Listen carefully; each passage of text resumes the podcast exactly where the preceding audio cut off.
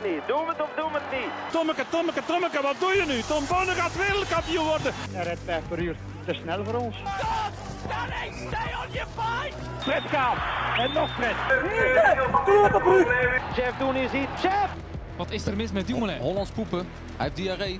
Don't stand on my dog or I cut your head off. Daar is hem, daar is hem. Daar is hem, daar is hem. Daar is hem inderdaad, de nieuwe aflevering van de Jogclub. Seppe, deze week gaan we off-road. Yes. Bij ons te gast vandaag, Europees kampioen mountainbike bij de junioren. Hij stond dit jaar de shorttrack op het podium van de wereldbeker in Val di Sole. En hij is drievoudig Belgisch kampioen mountainbike bij de elite. Welkom Jens Schuurmans. Dankjewel, dankjewel. Helemaal afgezakt, Seppe, naar eh, het verre Maasmechelen. Yes. Hoe bevalt het u hier? Eh, goed, goed. Maar ik, eh, ik ken het hier van de jaarlijkse toertocht. Ah, ja. hier kom eh Het is de toertocht van het jaar. hè. Eh, ja, dat is niet gelogen. Dat is niet gelogen. Heel verrassend eigenlijk. Je verwacht u daar niet eh, aan. eh, Ja.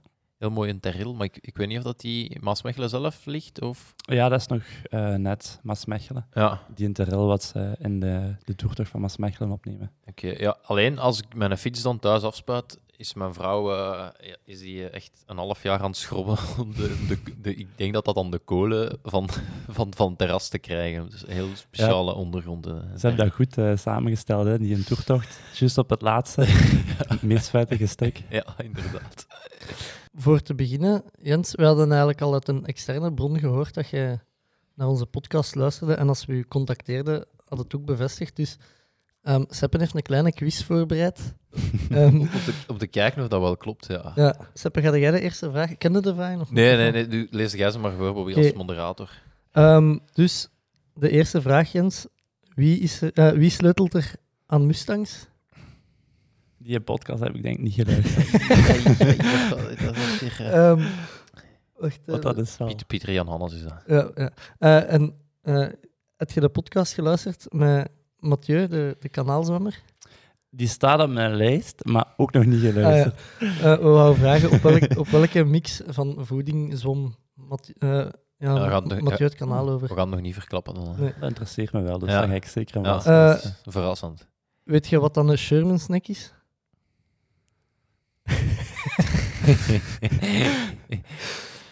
En welke VZ2 deed een gulle schenking van La Redutabele aan onze podcast, weet je dat? Ja, ik ben goed gebuist, hè. ja, ja. Nogal, ja. Ehm, ja, en dan had, Maar ja, als we allemaal zo'n fans hebben, dan kunnen, we, kunnen we zeggen wat we willen. Dat is ook wel een voordeel. natuurlijk. ja, inderdaad. Ehm, Maar dat is ondertussen al, zit je al wel een tijdje bezig, hè. Ja. Eigenlijk die van Pieter Jan Hannes heb ik wel geluisterd. En toen je het zei, dacht ik er wel even Ja, het waren ook al wel wat moeilijkere vragen. Ik Ja. denk, ja, we gaan hier direct... eh, Meest- meestal luister ik dat tijdens het fietsen, dan moet ik Ah, nog wel ja. op de weg letten.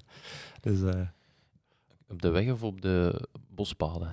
ja, dat is een beetje 50-50, hè. Ik krijg heel veel op de weg fietsen zelf ook. Ja.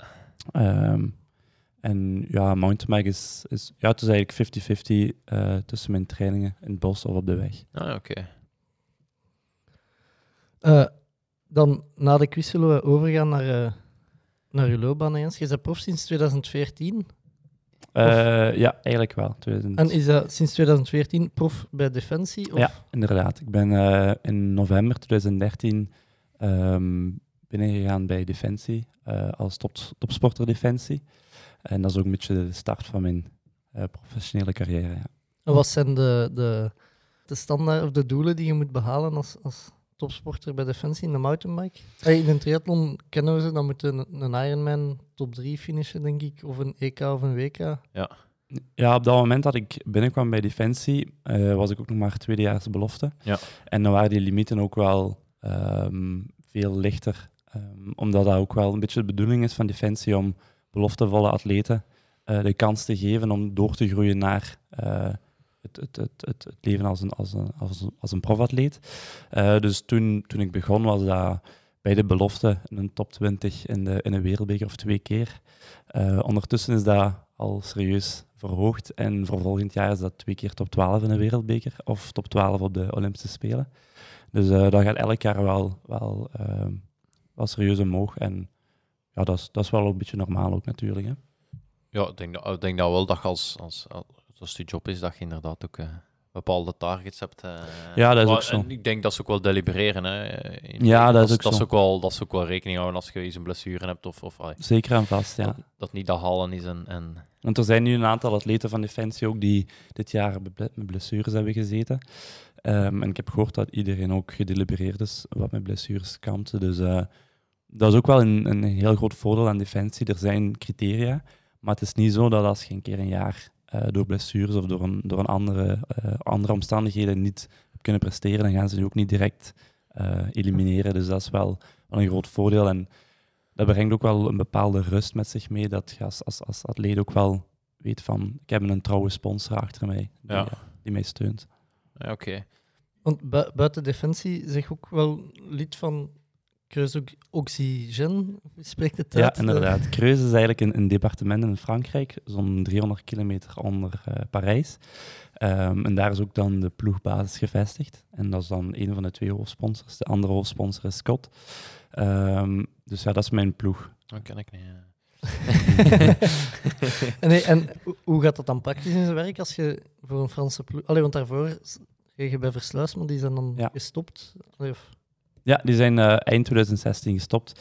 Ehm, ik was toen ook wel al voor mijn eigen uit dat ik wel ging wisselen van ploeg. En dan Cruise Oxygen heb ik eigenlijk bewust voor gekozen, omdat dat ehm, echt wel een opleidingsploeg was en nog steeds eigenlijk is. Ehm, enkele van mijn concurrenten in Frankrijk hebben ook een opleiding daar genoten. Dus dat viel me wel op dat die ploeg heel goed bezig was met, met eh, ontwikkeling van materiaal en ontwikkeling van de renners. En ik was toen al ehm 23 toen ik bij die ploeg kwam. Maar ik zag mezelf nog vooral als een, als een renner die heel veel in ontwikkeling was. Ik ben later begonnen met eh, de mountainbike sport. En ik, ben ook, eh, ik heb ook wel wat blessures gehad, dus ik was eigenlijk nog volop in mijn ontwikkeling. En dat was op dat moment wel een ploeg waar ik, eh, die, die ik nodig had om verder te ontwikkelen. En hoe, hoe ziet zo een entourage van, van een mountainbikeploeg, hoe ziet dat eruit? Allee, op de wegen, de, eh, de ploegleiders, allee, dat kennen die, dat is, iedereen kent dat meer. Ja, Ja, de masseurs, de, de verzorgers. Hoe, hoe is dat in de mountain? Allee, met hoeveel renners zijn jullie? En, Ja, dat is, onze ploeg is dus, eh, voor volgend jaar eh, bestaat die uit acht renners, maar vier jongeren, dus eh, ofwel nieuweling of junior, Ah, ja. en vier eh elite-renners. Ehm, met die vier elite-renners doen wij dan ook de wereldbekers. En onze omkadering, dus een, een typische wereldbekerweek, vertrekken wij op dinsdag of woensdag, eh, afhankelijk van hoe ver dat het reizen is. Eh, omdat eigenlijk donderdag mijn enige echte trainingsdag op parcours is. Ehm, en we zijn vaak met vier renners en vier eh, mensen als op omkadering. Een teammanager, en een mechanieker, ehm, een, een, een verzorger of een, of een kinesist. En dan nog iemand die een beetje, De Eh, fixer. ja, de, algemene, Ja, en al die. de Aldis. een beetje helpen bij de mechaniek, een beetje helpen bij het koken om naar de winkel te gaan. Dus van, van, van die dingen. Dus we zijn eigenlijk, we hebben wel een, een redelijk grote omkadering voor eigenlijk een, een, een kleine groep renners. Ja, en, en vertel uw week eens verder. Donderdag trainen op het parcours. Dat, is, dat is van de organisatie uit dat dat wordt voorzien. Of kun je altijd Ja. op dat parcours. Nee, we hebben vaste uren dat wij op parcours kunnen trainen. Ah, ja. Ehm, maar voor ons is donderdag eigenlijk het enige moment dat we echt een, een uitgebreide parcoursverkenning kunnen doen. Om, omdat wij op vrijdag de shorttrack hebben en op zondag de, de, de Olympische afstand. Ja. Dus eigenlijk een wereldbekerwedstrijd is er nu op vrijdag en op zondag een wedstrijd. Ehm, en ja, die, die, die shorttrack op vrijdagavond is, is, ja, is redelijk laat en toch wel heel inspannend. Waardoor dat ik eh, zaterdag echt wel meer een recuperatiedag is. En Ja. Mountainbike parcoursen zijn tegenwoordig dermate zwaar dat je daar niet rustig op kunt rijden. Dus dan probeer ik echt wel te beperken om nog maar één rondje op het parcours te rijden om, om het gevoel op het parcours te Oké, en, en, en, en die donderdag, hoe, hoe ziet een verkenning? Is het dan nog ouderwets afstappen? Of, of, of, eh, Nee, ja, we hebben dan eigenlijk eh, twee uur de tijd. Ehm, dat is eigenlijk de tijd die dan voor de elite renners, Ja. elite mannenrenners is voorzien. Ehm, en meestal ehm, heb ik het parcours de voorgaande jaren al een keer gereden. Dus het eerste rondje wat ik doe is eigenlijk echt gewoon alle lijnen rijden zoals ik het in mijn hoofd nog had van de voorgaande jaren. Ehm, en een beetje het gevoel op met parcours te hebben. En dan vanaf de tweede ronde ehm, stop ik eigenlijk. Ja, onze, onze parcours is een, een viertal kilometer lang en ik denk toch wel een, een tiental zones dat ik eigenlijk stop. Om enerzijds te kijken naar wat andere renners van lijnen rijden en zelf ook wat uit te testen. Hm. Dus dat kan zijn dat ik ja, een bepaalde lijn gewoon na één of twee keer weet van oké, dit is de goede lijn, deze ga ik aanhouden. Maar het kan ook zijn dat ik dat tien keer opnieuw ga doen. En meestal is dan anderhalf uur om een tijd al gespendeerd. En dan probeer ik nog één of twee rondes uh, parcours volledig te rijden. En dan echt vooral te zorgen dat mijn lijnen uh, zuiver zijn. Ja. Um, en dat ik al, al op donderdag een heel goed idee heb van oké, okay, zondag ga ik ongeveer um, deze lijnen rijden. Um, ook bergop uh, weten welke versnelling ik nodig heb, uh, hoe lang elke helling ongeveer zal in beslag nemen. En Dus, de uh, beslissing om uh, volgeveerde fiets of een hardtail te rijden, is, is, wordt dat ook op donderdag gemaakt? Of? Ja, meestal wel, maar ondertussen doe ik wel al 90% van mijn wedstrijden om de volgeveerde. Ja. En die fietsen zijn de laatste jaren heel veel vooruit gegaan in ontwikkeling ook, qua gewicht serieus Ja, verlaagd. Um, en de parcoursen zijn dermate technisch geworden.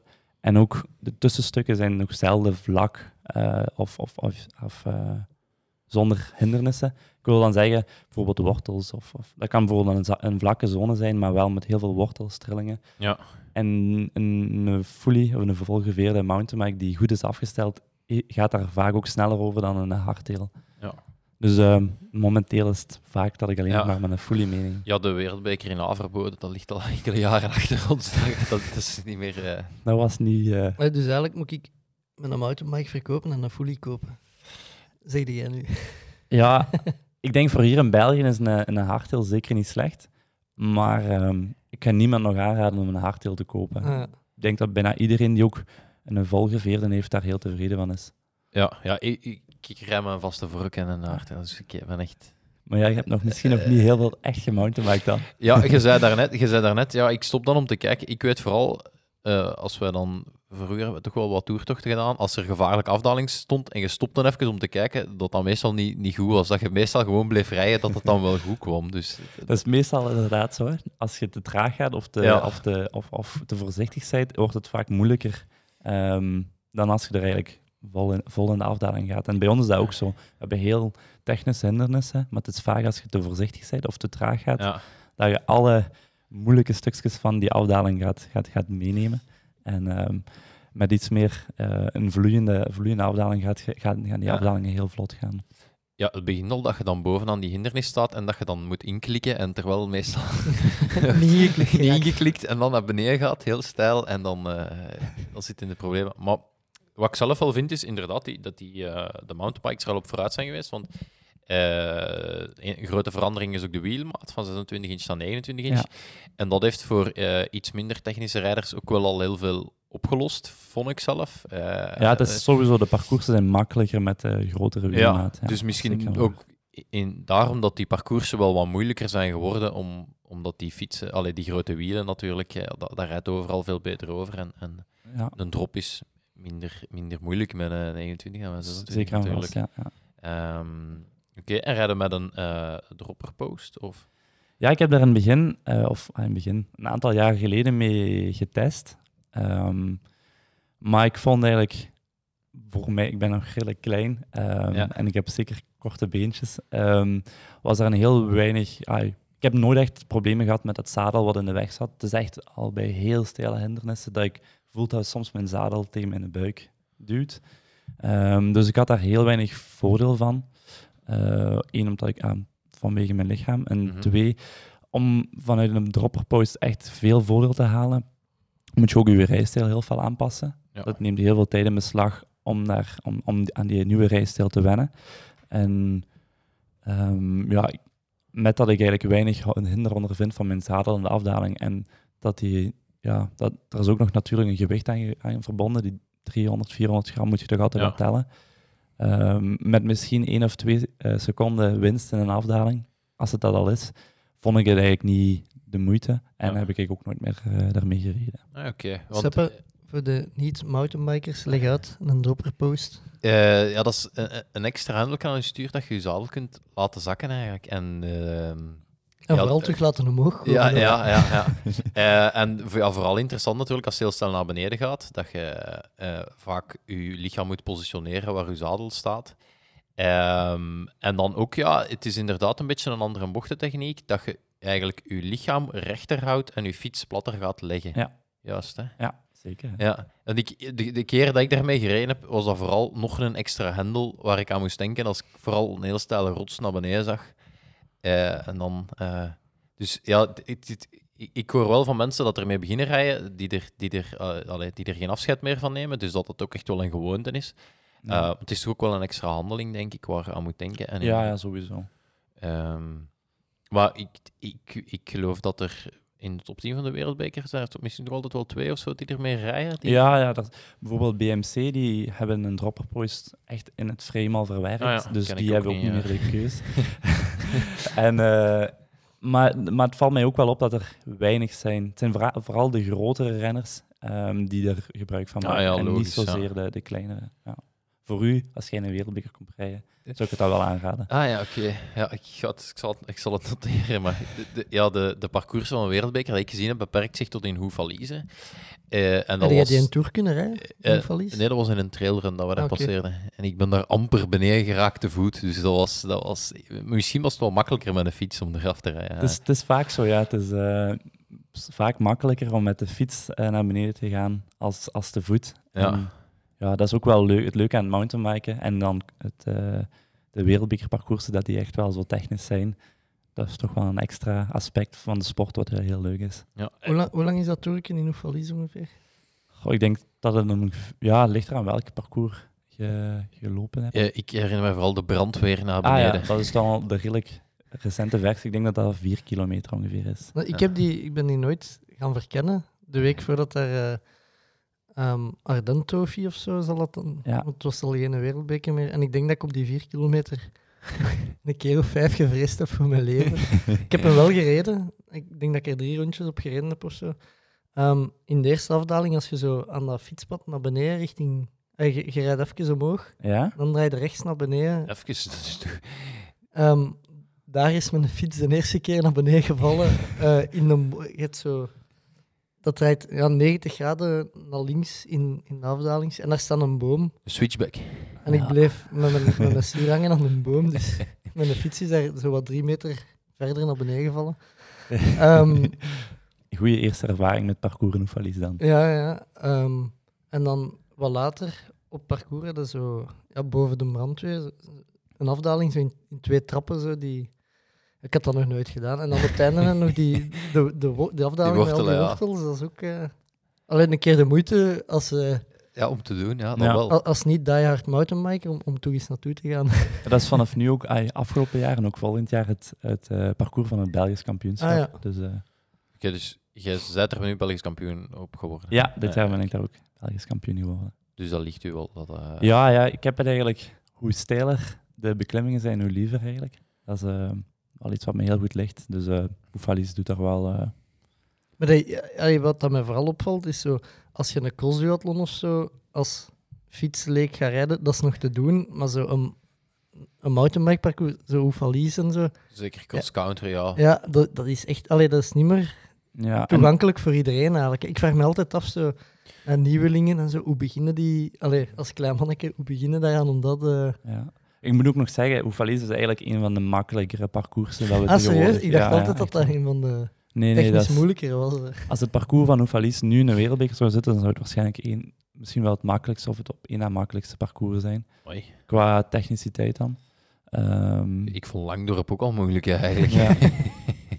maar ehm, ja, sinds, sinds een, een tiental jaar zijn er heel wat mountainbike eh, jeugdclubs ehm, opgestart. Ik denk in Vlaanderen een, een vijftiental verspreid. En eh, die, die clubs doen echt wel heel goed werk. En vaak zijn die mannetjes van, van, van 12, 13, 14 jaar al, al heel goed technisch onderlegd, omdat ze vanaf jonge leeftijd al heel goed werken aan hun techniek. En als die dan op parcours naar Zoufalies komen, hebben die ook heel weinig problemen. Ehm in Beringen hier hebben wij ook een... een, een Op de B-Mine. ja, hebben ook Ja. een mooi, mooi parcours wat aangelegd is, met wat, wat rock gardens en wat drops. En je ziet toch wel dat eigenlijk die jeugd daar heel weinig problemen mee heeft. Het zijn vooral eigenlijk de ouderen die daar, eh, er problemen mee hadden dat die hindernissen in het parcours kwamen. En die jeugd ziet er alleen maar de positieve Ja. Eh, voordelen van in. Ja, en toch nog even zeggen, ik heb ooit eens een Europees kampioenschap crossduathlon gereden. En dat was, in, dat was in Spanje. En dat was ook de rotsen naar beneden. Maar dat, dat was toch ook... ah, je zo merkte maar dat, dat dat ook maar gewoonte is. hè. Mensen waren dan Ja, ja, zeker. ja, bij mij was de eerste keer dat ik op, op rots reed. Dus ja, wat doe je met je banden? Hoe plat zet je Ja. die? En ook ja, hoe remde daarop en zo. Eh, en ik, ik, eh, ja, ik verschoot ervan hoe, hoe vlot dat iedereen daar eigenlijk. Ja, dus, dat, is, dat is vaak zo. Hè. Dat, is, dat is bij ons ook zo. In het begin, als wij dat eerste keer over rotsen moesten doen, of drops moeten doen, ja, dan, dan verschoten wij echt van, van wauw, dat is wel, wel zot. En nu je er eigenlijk met je ogen toe, bij wijze van spreken, naar beneden. En je wordt inderdaad wel gewoon. Ja, en, maar doe je dan nog specifieke stages of is het altijd, is het altijd hier in... eh, Nee, ik ben wel heel veel weg in het jaar. Ehm, voor, voor wedstrijden toch wel tussen de 80 à 100 dagen per jaar. En eigenlijk voor trainingen is dat ook wel zo. Want ehm, er, komen, er zijn wel mooie parcoursen en, en hier in Vlaanderen om op te trainen. Maar voor echt mountainbike afdalingen goed te kunnen trainen, moet je toch wel heel vaak naar het buitenland gaan. En ja. ehm, dat hebben we helaas niet zo. En waar zit je dan meestal? Goh, dat is een beetje afhankelijk van de periode van het jaar. hè. Ehm, deze periode, ah, in de winter ga ik vaak naar Spanje eh, voor de trainen. En de zomer, als ik trainingsperiodes heb, ga ik vaker op hoogtestage. Ik ga heel graag naar de, naar de Dolomieten. Vind Ah, ik ja. wel een heel mooie streek om te fietsen en te mountainbiken. Ehm, en de Pyreneeën passeer ik ook wel eens regelmatig. Dat is echt wel Het hoge bergte. Ja, ja, ja. ik, ja, ja.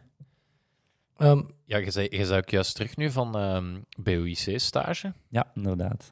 Wat, wat houdt dat juist in? Dat is altijd eh, heel, heel groot in de pers altijd Ja, en ja, zo, ja. maar... Ja, dat is eigenlijk een, een, stage geor- georganiseerd door het eh, Olympisch Comité. Ehm, dat is heel vaak in einde, einde november, begin Ja. december. En dat is een, een, moment dat de meeste Olympische sporten net uit een rustperiode komen en opbouwen naar de zomer. Ehm, en vooral ook ja, een moment om, om alle andere Olympische sporters te leren kennen. Ehm, ik ben daar nu vier jaar al naartoe geweest en dat is wel een, ai, een relaxe sfeer, omdat ja, nog niet veel wedstrijddruk eh, in de nabije toekomst eh, eraan komt. Ehm, maar ook wel een, een moment dat je heel veel mensen terug kunt leren kennen, heel veel kennis eh, Ja. aanwezig is, waar je als atleet ook wel heel veel vragen kunt stellen en heel veel nieuwe dingen kunt, kunt leren. En ehm, ook ja, alle personeel van het BOIC leert kennen. En, ehm, ik heb dan de Spelen in Rio gedaan, maar dat was helemaal op het laatste moment dat ik me kwalificeerde. En dan kwam ik op de Olympische Spelen zelf en eigenlijk kende ik toen bijna niemand van BOIC. Dus dat was eigenlijk ja, op dat moment de grootste wedstrijd in mijn carrière. En ja, als ik een vraag had, ik wist niet echt bij wie ik moest zijn. Ehm, en dat vond ik toen ook wel een nadeel. En nu kun je die mensen al leren kennen, ook in een relaxe sfeer. Wat ook wel eh, een groot voordeel oplevert als ik dan Ah, ja, eh, oké. in Tokio daar ga zijn en, en ik moet iemand hebben voor een bepaald probleem. Ja. Dan gaat het ook gewoon veel gemakkelijker eh, die, bij die persoon terechtkomen en gaat alles ook wel veel smoother lopen. Ah, oké.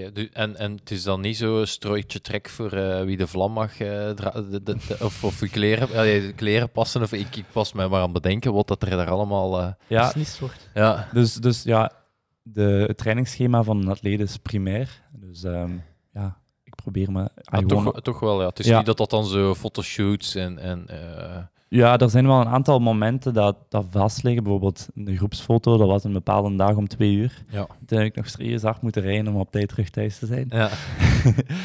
maar, ehm, en dan hebben we elke avond, hebben we een, na het avondeten, hebben we altijd een moment dat we een info, infosessie krijgen over social media of de voorbereiding op Tokio of de hitte of eh, ja, allerhande thema's. Ehm, en dan zijn er nog een aantal andere eh, taken die we moeten doen in die week. Onder andere de kleren passen voor, eh, voor nu dan in Tokio. Ja. Ehm, en daar kun je dan eigenlijk een beetje zelf afspreken met de verantwoordelijke van, van bijvoorbeeld de kleren, wanneer het voor u het beste uitkomt. Maar het zijn heel gevulde dagen, maar dat is wel leuk. Dat is wel heel leuk. Oh, ja. Ik, ik had ook gezien, dat ik, het zo op Instagram... Dat is een go-kart in een moesten steken, Ja, ja. een go in. Ik vraag me dan af, hoe gevaarlijk is dat voor blessures? Ehm, Ja, dus ehm, dat is ook, ja, elk jaar wordt er een teamactiviteit georganiseerd. Ehm, en ja, je maakt het dan zo gevaarlijk als je het zelf wilt. En we werden dan opgedeeld in, in, in, in groepjes, tien, tien groepjes van zes, zevental atleten. En zoals het elke atleet eh, wel eh, kenmerkt, denkt iedereen dat hij de juiste manier heeft om die go-kart in elkaar te steken. en we kregen zo'n blad met, met foto's van die go-kart, maar daar waren vier foto's van de go-kart, maar allemaal anders gemaakt. Dus iedereen kijkt gewoon een foto en begint daaraan. En dan na een half uur komt het dan tot Een. Ikea-plannetje eigenlijk. In, ja, nog, nog minder goed dan Ah, die ja. Ja. Die Ikea-pannetje zo makkelijk zijn. Dus eigenlijk hadden we gewoon maar een foto. En ja, iedereen begon. Ehm, En bij wie zat in de groep? Ik zat eh, bij eh, twee eh, hockeyers, Felix de Naaier en Victor Winier. Ehm, en een zeiler zat ook bij mij. eh, en twee van de atletiek. Dus ehm, Je gaat... Je wist al wie dat moest Ja. sturen, dus ja. om twee mannen te duwen. Jij sturen, veronderstel ik? Nee, ik, eh, eh, iemand van de atletiek is aan ons kaartje gekropen. Ah. Ik, ik had dat parcours al gezien met die go-kart en ik had al eens getest aan dat stuur en dat was toch al redelijk eh, agressief in de stuur. En ik dacht, ja, om hier nu tegen een boom te rijden is niet het moment. En eh, er was toch wel een die eh, naar het ziekenhuis moest gaan omdat hij tegen een boom was geknald. Ook topsport en Ja. mentaliteit. Iedereen moet dan de beste tijd eh, hebben. En Het ging er niet over. Het was niet een montertrap zien insteken. Het was... Nee, ja, we hadden dan een uur of zo om in elkaar te steken. En voor de meeste teams was dat wel redelijk krap, omdat iedereen verkeer begon. En dan moest je... Ja, dan waren die go-karts bij die niet zo heel goed in elkaar staken. Eh, en dan, eh, daarna was het dan eigenlijk een wedstrijdje voor de beste tijd. Ja. En dat gaat er dan ook weer serieus er tegenaan. Dan. Oké, en dat is goed afgelopen. Het is niet... Ja, ja, ja, ja. ja, die ene. Dat was wel een kine van de hockeyploeg. Die had wel een probleem met zijn schouder, denk ik. Maar Maar ja, Kine Misschien kan zichzelf helpen. Hè. voilà, Kan voilà, voilà. zichzelf tapen. Hè. Dat zal wel, zal wel in orde komen. Ik hoop het. Nog iets anders waarover dat we het wouden hebben, was eigenlijk in de pers zeg je eigenlijk redelijk anoniem. Allee, je komt niet zo heel veel in, in of het niet heel uitgebreid in de pers meestal, maar eigenlijk, Seppe zei het net in de auto ook nog, eigenlijk heb je een fantastisch goed jaar gehad dit jaar. Allee, als we resultaten bezien op de wereldbekers en, en, en op de mountainbike-wedstrijden. Je hebt op het podium gestaan op de, de shorttrack. Ja. Maar wij vroegen ons eigenlijk af, wat is de bedoeling van die shorttrack? In, want dat, dat bestaat nog niet zo heel lang in de mountainbike. Nee, ja, dat is eigenlijk een, een extra discipline die ze hebben ehm, ingericht. Eh, een beetje gebaseerd op het biathlon, denk ik. Ah, Eh, ja. die ook ehm, voor hun lange afstand al een, eh, een, een beetje een kwalificatiewedstrijd hebben op een kortere afstand. Dus ehm, het is eigenlijk, shorttrack is een, is een wedstrijd van 20 minuten op een, op een rondje van ongeveer 2 minuten, waar de top 40 van de wereld aan de start staat. En de eerste 24 van die shorttrack, die nemen ook de eerste 24 startplekken op zondag eh, in. Waarna daarna dan van plek 25 is op wereldranglijst. Ehm, en die shorttrack is er ja, bijgevoegd omdat de ploegen wel eh, vroegen om, om nog meer eh, eh, publiciteit en, en, en, en ehm, tv-tijd. Omdat we toch wel heel vaak verre reizen moeten maken naar Zuid-Afrika of naar Canada voor een wereldbeker. En nu heb je eigenlijk twee wedstrijden in plaats van één. Dus de vraag is, zoals ik heb eh, vernomen, vanuit de ploegen gekomen. En ehm, oorspronkelijk was dat ook wel ja, de kleine wedstrijd of de kwalificatiewedstrijd. Maar ik merk wel dat ik alsmaar meer atleten daar heel veel belang aan hechten. En eigenlijk ziet je bijna dezelfde namen op vrijdag eh, als op zondag Ja. eh, over de eindmeet. Want het is een iets korter parcours ook, als ik me Ja, niet het is- vergis. Het is eigenlijk helemaal niet zo'n technisch parcours. Eh, het is twee minuten. Het is, een, het is een, vaak een, een snel parcours waar Ja. je toch proberen één of twee hellingen in te steken en dan eh, één technische afdaling. Maar het zit zo kort bij elkaar dat je het ook niet te technisch kunt maken. Ja. Want ja, het moet wel nog veilig blijven. En het begin was dat wel een beetje zoeken, want soms staken ze daar afdalingen in die, die eh, niet echt verantwoord waren. Ik denk dat dat met, met de jaren wel, wel beter ingericht is. En, en ik, voor mij persoonlijk is dat bijna evenwaardig aan zondag. Ehm, Ja, ik weet, ik, ik kijk bijvoorbeeld elke vrijdag kijk ik gewoon omdat het een, een heel leuk Ja. televisie. Allee, het, ja, het is op eh, Red Bull TV. Ja, Kunt je ja. dat gewoon live volgen? ja, ja. Eh, heel korte wedstrijd, heel spannend altijd. En ehm, ja, meestal, meestal een vrijdagavond is een betere moment om Ja, daar naar te zeker. kijken dan, eh, dan eh, meestal zondagmiddag. Ik hoor dat wel vaak van veel mensen, dat ze dat een heel leuke wedstrijd Ja. vinden om te volgen. Het is kort, het is, het is, het is heel spannend. Ja. Ehm, en alles is ook heel...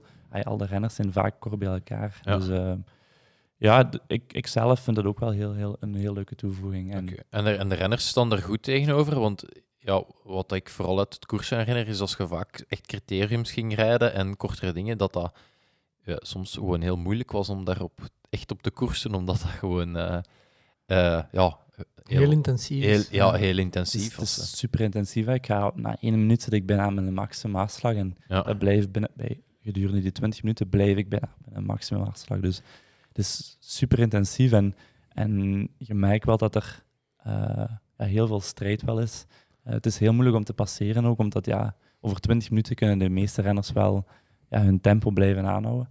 Dus ehm, Het is dus geen natuurcriterium. het is geen criterium, daar ben ik wel Maar zeker en- van. Ja. Ehm, dus het voor de eerste 24, die, die krijgen dan de eerste 24 plaatsen op zondag. Ja. En de startvolgorde op de shorttrack is dat gewoon wereldbeker. ja, dat is wereldbekerranglijst. Ja. Dus de, de eerste, alleen de eerste De eerste.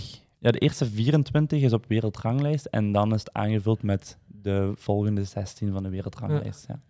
En je hebt tot volgens mij de avond voor de shorttrack de kans om u af te melden, waardoor dat ze dan iemand ja, anders. de ja. 41ste en de 42ste kunnen uitnodigen.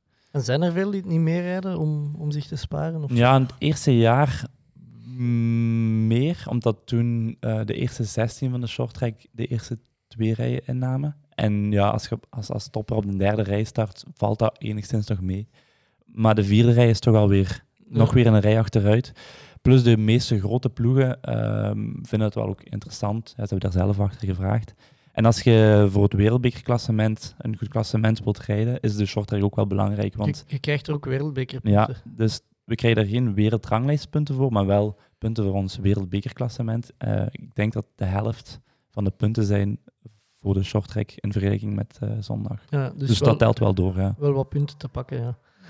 Eh, ehm, Ja, je, zat er, je, je behaalt er dan een podiumplek. Hoe was dat op, op het podium met, met Mathieu en met Avancini? Avancini, ja. ja. Eh, ja, het was heel speciaal. Hè? Zeker omdat het was een heel speciale eh omstandigheden. Het had super hard geregend en het was eh, op, een, op een grotendeels grasparcours met heel veel off-camber. Ehm Of, of Kemmer is... off-camber is eigenlijk ja, Te- tegen- als je de, schuine de schuine kant van een berg eigenlijk rijden. Ja, en tegen de richting van de... Allee, dat, nee, eh, of nee, dat is niet zo. Ja, off-camber dacht- kan zowel omhoog als omlaag Ah, ja. ja. En ja, ik had eigenlijk ervoor gekozen om niet echt de zwaarste modderbanen te steken. Wat eh, toch wel... ai, toen ik aan de startlijn stond, had ik toch wel een beetje schrik, want er waren er maar twee die dat niet hadden. En dat was Mathieu en ik, die geen modderband gaan steken. En dus ik dacht, shit. Ja. Ehm, en dan eigenlijk in de start was ik, ja, het is, het is zo inten- intens en het was heel, redelijk snel een, een haakse bocht. Dus ik bleef een, stuur haken met een, eh, een tegenstander. En ja, ik was de eerste keer, eerst, eerste keer na de, aan de meet, was ik pas 24ste. Dus ja, ik had helemaal niet gedacht dat ik nog eh, een goed resultaat kon behalen. Ja. Maar ik had wel een heel goed gevoel en ik vond het wel leuke omstandigheden. En ehm, net na de finish moesten wij eigenlijk een schuine kant omhoog. En daar was alleen nog maar helemaal bovenaan die gras. En ik zette eigenlijk aan voor, voor ook boven te blijven, maar ik kon eigenlijk niet boven blijven. En ik schoof altijd terug naar beneden en ik kon dan ook zo juist zonder voet aan de grond te zetten, kon ik, kon ik eigenlijk... De overkant vol- vallen. Ja. ja. Maar doordat ik eigenlijk altijd afschoof, reed ik ook waar bijna niemand reed. En elke ronde opnieuw lukte mij dat om twee renners in te halen. En ik kon dat elke ronde opnieuw blijven volhouden. En ja, toen eh, op twee ronden van het einde kwam ik juist terug bij het groepje van Schurter en, en eh, de renners die voor de derde plek reden aansluiten. Ja, en toen heb ik alles of niks geprobeerd. En eh, ja, dat was... Een shorter van het podium ge- gepingeld. hè. Ja, ja, ja, ja, ja, inderdaad. Dus, eh, Of ja, in mountainbikes vijf podiumplaatsen zeker. Ja, met shorttrack zijn er drie. Dus Ah, ja. eh, de shorttrack is wel een, een kleiner podium. Dus ja, dat was voor mij op dit moment wel een van mijn hoogtepunten mijn, in mijn carrière tot nog toe. En zeker met, met hoe het wedstrijdverloop was. En eigenlijk dat mijn slechte bandenkeuze eigenlijk een voordeel bleek te zijn, Ja. is wel, was wel Ja, een op een beetje anekdote. een, een Vlaams veldritparcours, als ik het zo hoor. Of is, is dat nu iets te, te kort door eh, de bocht? Ja, misschien een beetje, want het was wel een stevig klimmetje wel. Maar Ah eh, het was, eh, het was na, na, de- na die schuine kant moest ik nog een stukje omhoog. En ik was toch heel blij dat ik een 50 en, en mijn achter, achter derailleur eh, had. Want zonder die 50 denk ik niet dat ik boven was geraakt. Mooi. Ja. En wat dan van voorsteken van versnelling? Nu even heel technisch. Ja, dat ligt eraan. In de, in, de, in de Olympische afstand kies ik meestal voor een 36 en de shorttrack soms een 38 of een 40. Mooi. Dus eh, dat is redelijk groot wel, ja. Ja, ja, dat is al, dat is al, Zeker beach, met- dat is al beachracen.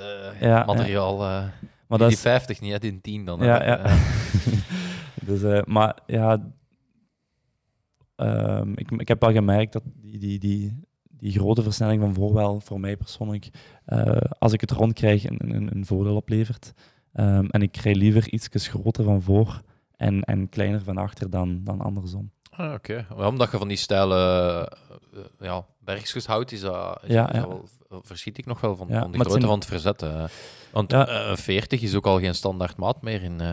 Nee, nee, nee. Maar dat doe ik in de Olympische afstand doe ik meestal maar 36, omdat wij ook wel heel vaak hellingen hebben van 30, 35 procent off-road modus. Ja, dat is wel redelijk veel. Dat is steril, hè? Ja. is 30%, hebben ze me altijd geleerd. Ah, dus toch steiler dan hier in het film. Maar ehm, dat is wel grappig. Die Lars Forster, Ja. eh, een Zwitser, dat is een goede kameraad van mij. En dit jaar was er zo'n een, een wereldbeker. En ik was in twijfel als die 36 wel ging lukken, want het was ook op hoogte. En ik zei tegen hem, ja, wat ga jij doen? Ga je met een 34 of met een 36 rijden? En hij zei tegen mij, ja Jens, ik zou gewoon een 36 steken. Ik zeg, ja, waarom? Ja, hij zei, als je het dan niet meer rondkrijgt, dan moet je toch minstens 340 watt hebben om boven te geraken. En dan weet je toch dat dat nog goed meevalt. Dus eh, dan weet je dat het niet helemaal stil gaat staan. Ja, dus, kerel. Ja. Sindsdien denk ik daar soms wel eens aan als ik eraan twijfel van, ja, dat gaat misschien toch wat te groot zijn. Is het niet gewoon kijken wat Mathieu heeft steken en... en eh, nee? Ja, nee. Ik denk, ah, Mathieu rijdt sowieso ook met Shimano. Dat is ook wel een iets andere verhouding. Die moeten wel vaker iets kleiner van voor. Omdat die... eh, Die heb- nu, nu, wel, hè. Nu heb je wel je 50. 51. ja. Ja, 51. Ehm, dus eh, ja, dat is ook een andere merk. Dus je moet daar een beetje... Ja, ja, oké. En sowieso is het ook wel persoonlijk natuurlijk. Hè. Ja. Dus en het is, ik kies eigenlijk ehm, een verzet wat ik weet dat ik rondkrijg aan ongeveer 90 omwentelingen. Dat is wel, dan weet ik voor mezelf dat bij die inspanning dat, mij, dat ik het beste eh, vooruit ga. Dus ik probeer wel daar altijd mee rekening te houden. Mooi. ja. Ik wou, ik wou eigenlijk al heel een tijd eens de resultaten overlopen. Van, allee, omdat Ah, je moet je ik heb- vinger opsteken. Ja. Ja, nee, nee, maar omdat ik daarnet gezegd heb dat je, dat je Ah, ja, ja, is goed. een heel straf jaar hebt. En er zijn mensen die ons dat ook gestuurd hebben eh, op de Facebookpagina van de Jogclub. Dat wat dat jij dit jaar gepresteerd hebt, dat dat Ja, heel, ja. heel onderschat wordt, heeft er eens iemand gestuurd. Eh, maar ik weet niet van buiten, want ik heb hier uw uitslagen van deze, ik weet niet van buiten welke wereldbekers zijn en welke niet.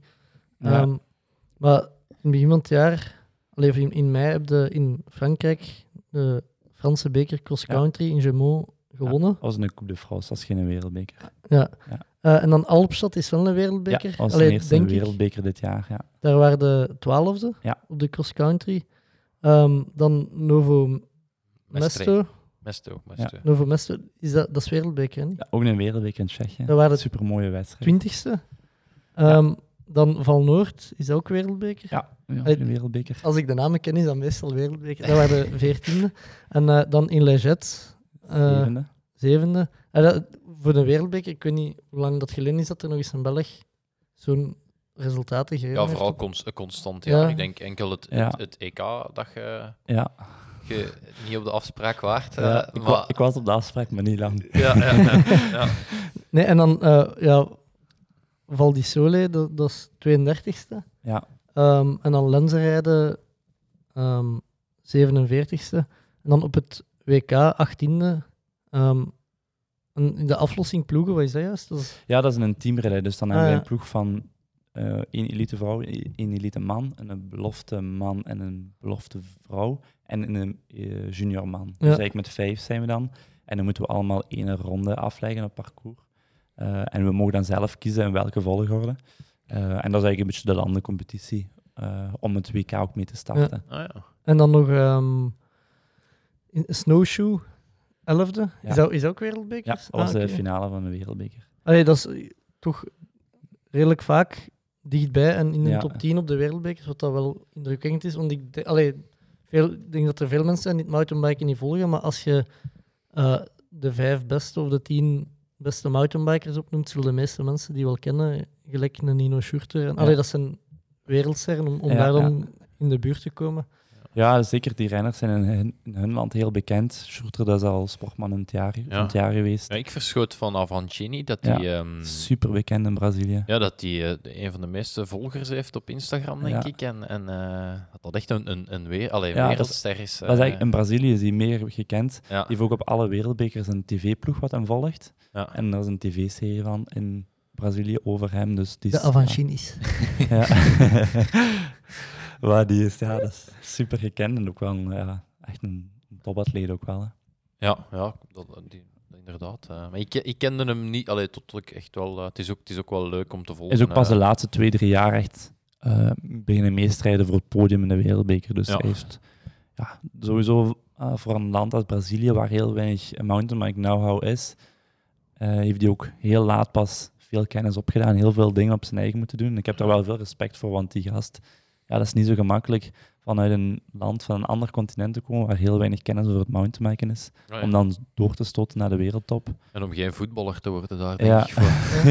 ja. Ook Ja, heel Hey, waar het dat je kunt afleiden dat het niveau heel logisch is, Mathieu van der Poel hij wint wat wereldbeker, maar hij heeft ook eens een off-day en dan, Ja. ja. zit hem, dan, zit hem eigenlijk ver voor zijn doen. Ja. Wat dat wel aangeeft dat er... Ja, en Mathieu heeft er ook wel vier jaar over gedaan om een wereldbeker Ja. mountainbike te kunnen winnen. Eh, dat geeft toch wel aan dat, dat het een sport is die, die een heel hoog niveau haalt. En Ja. ik denk als je het hem zelf gaat vragen, gaat hij dat ook wel kunnen beamen. Ehm, Op de weg ging het iets vlotter. eh, ja, inderdaad. Wat dat betreft. eh, ja. ja, dat heeft eigenlijk maar ja, een jaar geduurd, of, of nog niet eigenlijk. hè. Hoe wordt daarop gekeken op, op zo'n Mathieu, een veldrijder die dan komt mountainbiken? We weten dat dat in het verleden niet... Allee, ik herinner me dat dan vooral van de Belgische kampioenschappen mountainbike, dat dat niet altijd geapprecieerd. Ja, De- ik ben dus niet die, bij die groep. Hè. Nee, ik vind dat ik ja, sowieso maar je hebt zelf, zelf ook nog veldrijden gedaan? Of, eh, Ja, als ik ben begonnen met mountainbiken, toen ik 16 jaar was, heb ik nog een aantal crossjes gereden. uh-huh. Maar eh, ja, nooit echt, nooit echt serieus. Dus eh, ik heb daar niet heel veel tijd in gestoken. En ja, ik vond mountainbiken gewoon de leukste sport. Dus dan ben ik daar, daar eigenlijk redelijk snel in verder gegaan. Maar de mountainbike is een hele familiale wereld.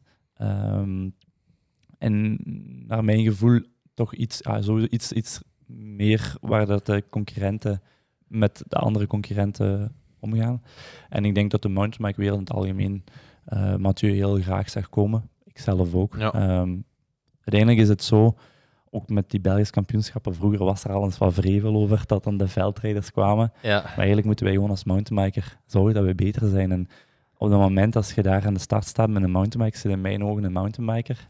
En eh, dan doet het er niet toe als je achtergrond in het veldrijden hebt of niet. Ik denk als wij als mountainbiker gewoon...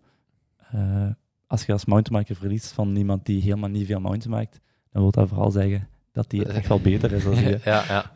Je had zo'n redelijk eerlijke sport op dat gebied. Maar denk ja, zeker en ja. vast. Nee, de, eh, de verhalen van, ehm van Mathieu en entourage dan vooral was toch dat ze in het begin op de wereldbekers een beetje weggekeken werden of zo? Of dat, is- dat is niet iets dat jij dan gemerkt hebt? Of dat is- Ja, dat is- Eh, Van, vanuit mijn... ah, ik toch zeker aan vast niet. En ik denk Ja. dat Mathieu dat ook wel niet zo heeft ervaren. Ah, nee, nee, het was meer... Er zullen misschien wel mensen zijn, maar ik denk dat je over algemeen gaat, wel, gaat die wel heel fel aanvaard geweest zijn. Ja. Ik, wat ik mij nog aan het afvragen was, is de Belgische selectie, al heeft de, de nationale ploeg in het dat is enkel EK's en WK's dat jullie Ja, ehm, samen zijn. Is dat, hoe is die sfeer? En is dat, is dat, dat is een redelijk klein team ook, veronderstel ik? Ja, dat is, dat is, zeker nu zijn wij met een kleine groep, omdat wij wel in onze categorie top 20 eh, in de wereld eh, moeten, ja, top 20 resultaten in de wereldbekers moeten hebben om geselecteerd te raken. Dus er zijn niet zo heel veel Belgen die daartoe in staat zijn. Ja. Ehm, toen ik als junior binnenkwam in mountainbiken, toen waren wij bij de junioren met zes of zeven voor de kampioenschappen. En dan was dat wel, ja, was superleuk. Hè? Heel veel ah, gewoon met kameraden eigenlijk naar het buitenland was dat voor mij.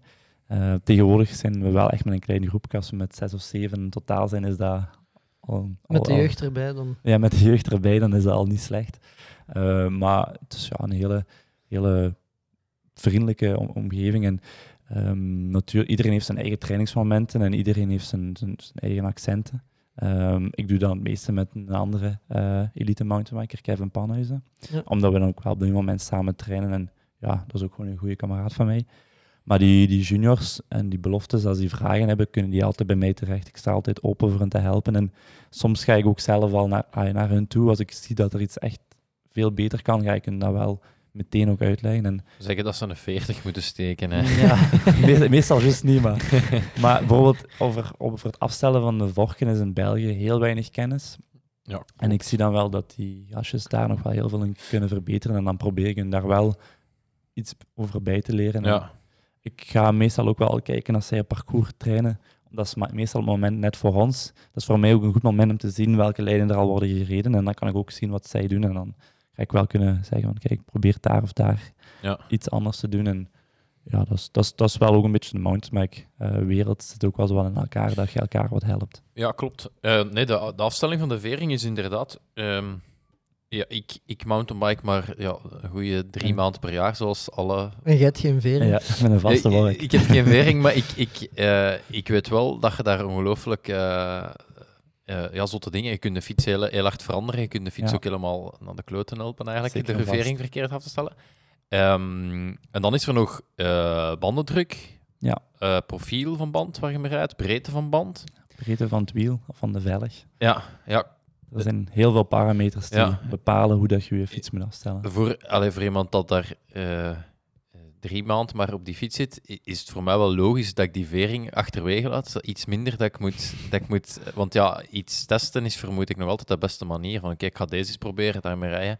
Maar ja, als we al die parameters optellen, dat is toch wel Ja, ja dat zijn gigantisch veel. een tiental parameters die uiteindelijk bepalen met welke setting je van start gaat gaan. Het is niet dat je zegt, ik ga gewoon altijd met dezelfde band rijden, eh, die overal een beetje, en dan ga ik met mijn vering spelen. Of het, is echt, het zijn echt allemaal doorheen dat je voor elke wedstrijd gaat kijken. Ja, ja.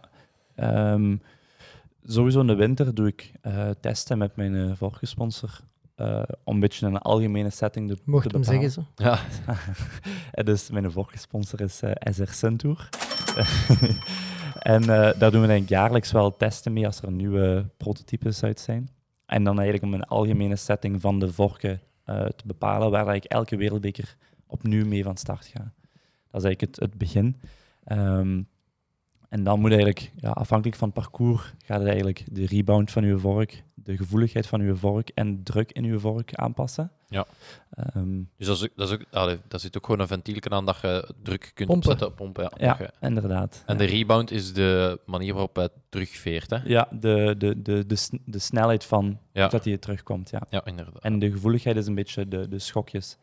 Ja. Ehm, hoe, hoe, hoe, de, vooral eigenlijk de, de korte schokjes, eh, hoe gevoelig dat hij daarmee werkt. En voor die gevoeligheid ook te aan te passen, kun je dan ook nog ehm, ja, elementjes toevoegen aan het binnenwerk van je, van uw vork. Mhm. Bijvoorbeeld als wij een parcours hebben met, waar we heel veel diepe slagen hebben te vork, dan ga ik dat veel meer van die opvulelementen gebruiken om, om, om eigenlijk de veerweg over de hele afstand eh, zo gelijkmatig te laten verlopen. Ja.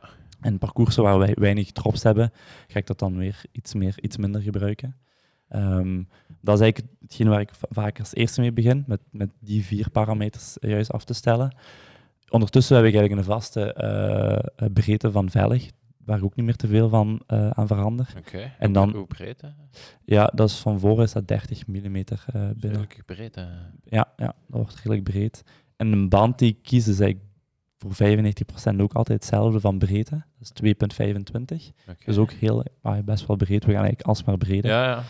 Ehm, en dan heb je nog de bandendruk en profiel. Ehm, meestal rijd ik mijn wereldbekerwedstrijden met 1,1 bar of 1,2 bar, wat helemaal niet zo heel veel is. Nee. Soms ga ik zelfs nog iets lager, maar dat ligt dan aan eh, een nieuwe technologische vooruitgang. Een, een, een moes noemen wij dat. Dat is eigenlijk De, een pepnoodle of... de- eh, ja, ja, Happy Style Noodle. ja. Eh, ook een sponsor, dus je kunt Ja, ja, ja. Dus eh, Dat is, Ja. er is eigenlijk een tuinslang in uw, in uw eh, velg die Ja. dat het... eh, dat, dat is eigenlijk een beetje, omdat wij alsmaar lager gaan in, in bandendruk, is de kans op snakebites ook weer groter. Ja. En die beschermt eigenlijk de velg, enerzijds om tegen snakebites, ehm, en anderzijds, als je dan toch lek rijdt, dat uw buitenband niet kapot is. ja, en, en je velg niet kapot gaat, en die moes geeft eigenlijk al een druk van 0,5, 0,6 bar, waardoor dat je vaak ook gewoon tot aan de post kunt rijden zonder veel tijd te Ah, ja, verliezen. Dus ehm, daarvoor doen wij dat soms ook wel. Eh, als het een parcours is waar, je, waar er toch wel een kans is om op plek te rijden. Want ja, gelijk ik al zei, vaak beginnen de trainingen op een wereldbekerparcours op de woensdag of de donderdag. En daar gaan zoveel renners over, dat heel veel van die kleine steentjes naar boven komen Ja. tegen dat het zondag is. En als er dan ook veel kans is op plek rijden, dan ga ik wel sneller ook voor die, eh, voor die noodle kiezen. Ja, Eh, omdat ik dan eigenlijk vaak tot aan de post kan rijden zonder tijd te verliezen. En tegenwoordig zijn we, ah, die, mechaniekers zijn er zo op getraind dat je op 10 seconden of 15 seconden een wiel hebt gewisseld. Dus, Ja. Ja, er zijn heel wat parameters Ja, die en, beslissen met welke setting ik ga starten. en vooral, ik, eh, ja, we hebben bijna de helft van Kasterlee. Ik krijg ongelooflijk veel berichtjes van mensen. Met welke banden rijd jij? Met welke druk rijd jij? Ik vind dat geen probleem om dat te zeggen, maar dat is heel persoonsgebonden. Ja, super persoonsgebonden. dat. Eh, enerzijds, eh, hoeveel geweegt. Ja. Ehm, en dan inderdaad breedte van uw velg, bandenprofiel. En dan ook hoe, hoe, hoe hard wilt je schuiven en hoe... Mhm. Ik weet van mijn eigen, ik, ik vind het erg als ik een beetje schuif, maar als ik al even op mijn fiets zit, liever niet, want dan zijn mijn reflexen niet meer zo goed. Dus dat zijn allemaal dingen die je moet meenemen. En eh, Ja, ja. eh, ja, ik, ik vind dat echt ongelooflijk hoeveel, ja, hoeveel verschillende parameters er zijn. En wat dat het ook heel moeilijk maakt, omdat je, ja, ja en je- zeker. heel veel combinaties mogelijk natuurlijk. Hè. Het is, het is dat en veel mensen die vragen mij ook dan van ja, welke banden, welke... Ja. En ik, de raad wat ik meestal meegeef is probeer ook gewoon gevoel te krijgen met uw band of met uw vork, door bijvoorbeeld één van die parameters te veranderen en te voelen welk, welke verandering dat in uw rijgedrag meebrengt Ja. en je gevoel op de fiets. En het is zeker, ah je kunt het allemaal veranderen en ik kan iemand zeggen, ja, dat is beter of dat is beter en dat is beter. Maar je moet dat vooral zelf aanvoelen wat Ja. beter is. En op het moment dat je je vork en je band en je wiel beter leert kennen qua gevoel, ga je ook veel beter kunnen aanpassen naar wat voor u persoonlijk het beste werkt. En ik zeg altijd, probeer één van die parameters te veranderen. En, en als je daar zeker van bent, dan doet een tweede of doet een derde. Ja, ja, ik vind dat zot dat dat ook allemaal op die twee uur dan in, in principe moet Ja. gebeuren. gebeuren. Ja, maar het is ook, gelijk ik zeg, ik heb al dat materiaal redelijk goed leren kennen. In de winter steken daar heel Ja. veel tijd in om met een basissetting te beginnen. En ondertussen ken ik de parcours al redelijk goed, dus Ja. soms doen we wel veranderingen voordat we op de parcours beginnen. Eh, en dan tijdens die twee uur doen we dan kleine modificaties. Ja. Ehm, het is wel zo dat ik van zaterdag ook nog wel een keer een rondje doe, dus op zich heb je dan, heb je dan ook weer iets meer tijd om daaraan te werken. Ja, oh ja. Ik vind dat toch altijd zot ehm, als je het volgt op Red Bull TV, de wedstrijden. In België is er niet zoveel volk mee bij, maar hoeveel volk dat er altijd langs de kant staat Ja. op de wereld. Allee, dat, is altijd, dat zijn fantastische Ja. beelden. Hè? En, en kettingzagen. Ja. We hebben redelijk veel... Dat is, dat is Dat eigenlijk is voor echt mij een ook diehard scene, precies. De... Ja, maar omdat het ook wel heel ver uit elkaar ligt, zijn er ook wel altijd andere toeschouwers. Dus ehm, de kijkcijfers op Red Bull zijn ook wel echt enorm. En de van, toeschouwers... eh? ja, ik weet niet juist van buiten, maar je kunt dat wel opzoeken. En dat was echt wel... Ja, Ja, ik kan me dat voorstellen. Maar ja. ik weet dat ze nu de laatste wereldbekers ook soms via Sporza de, Ja, de livestream. de livestream deelden van Red Bull TV dan dus. Ja. Maar dat is, eh, ja, er zijn heel veel wereldbekers waar we ook 20.000 tot 30.000 toeschouwers hebben. En, ja, dat is gewoon heel leuk, hè. Dat is, eh, als er veel toeschouwers zijn. En je merkt ook dat die sport ook wel heel erg leeft. Veel meer in, bu- in het buitenland dan in België, jammer genoeg. Ja. Wat voor mij eigenlijk altijd wel vreemd lijkt, want wij zijn een wielerland. Ja. En er gaat zoveel aandacht in de pers naar veldrijden en wegwielrennen, wat, wat supergoed is. Maar ik snap eigenlijk niet waarom het mountainbiken dat dan niet heeft. Deels omdat er dan weinig Belgen zijn, natuurlijk. Maar ehm, ja, Ja, nee, klopt. En ook, ehm, ja, je hebt dan nog eens, je hebt dan nog eens heel veel verschillende disciplines. Hè. Ja. Eh, in enduro hebben we dan Martin Maas en in, in Ja. downhill. eh, Nico Vink. Vroeger, hè? Nico Ja, Vink ja, vroeger. Nico Nu is hij Vink. meer zo freestyle. ja. Ja, eh, ik vind altijd dat, dat Joris Massaar een enorm onderschatte atleet Ja, is. Die zowel wel. op het, op het strand als in de marathons eh, heel knappe resultaten bijeenrijdt. Ja, ja, zeker. Frans Klaas ook, hè? De marathon. Frans Klaas marathon inderdaad. Dus, eh, Dat is, dat is ook zo. Mountainbike marathon komt nog veel minder in de aandacht. En die, ja, die- dat zijn ook allemaal profatleten en Ja. topatleten. Hè. Ja. Maar, ja, en, en, en, en beach race al helemaal niet natuurlijk. Ja, dus wat, wat me direct brengt bij een vraag, wa- waarom dat ik u daar nooit aan de start zie staan. Als je toch die versnellingen hebt liggen, 40-10 is net genoeg om mee te kunnen. Ja, ik kwam nog redelijk ver van de kust, hè. dat is al twee uur rijden.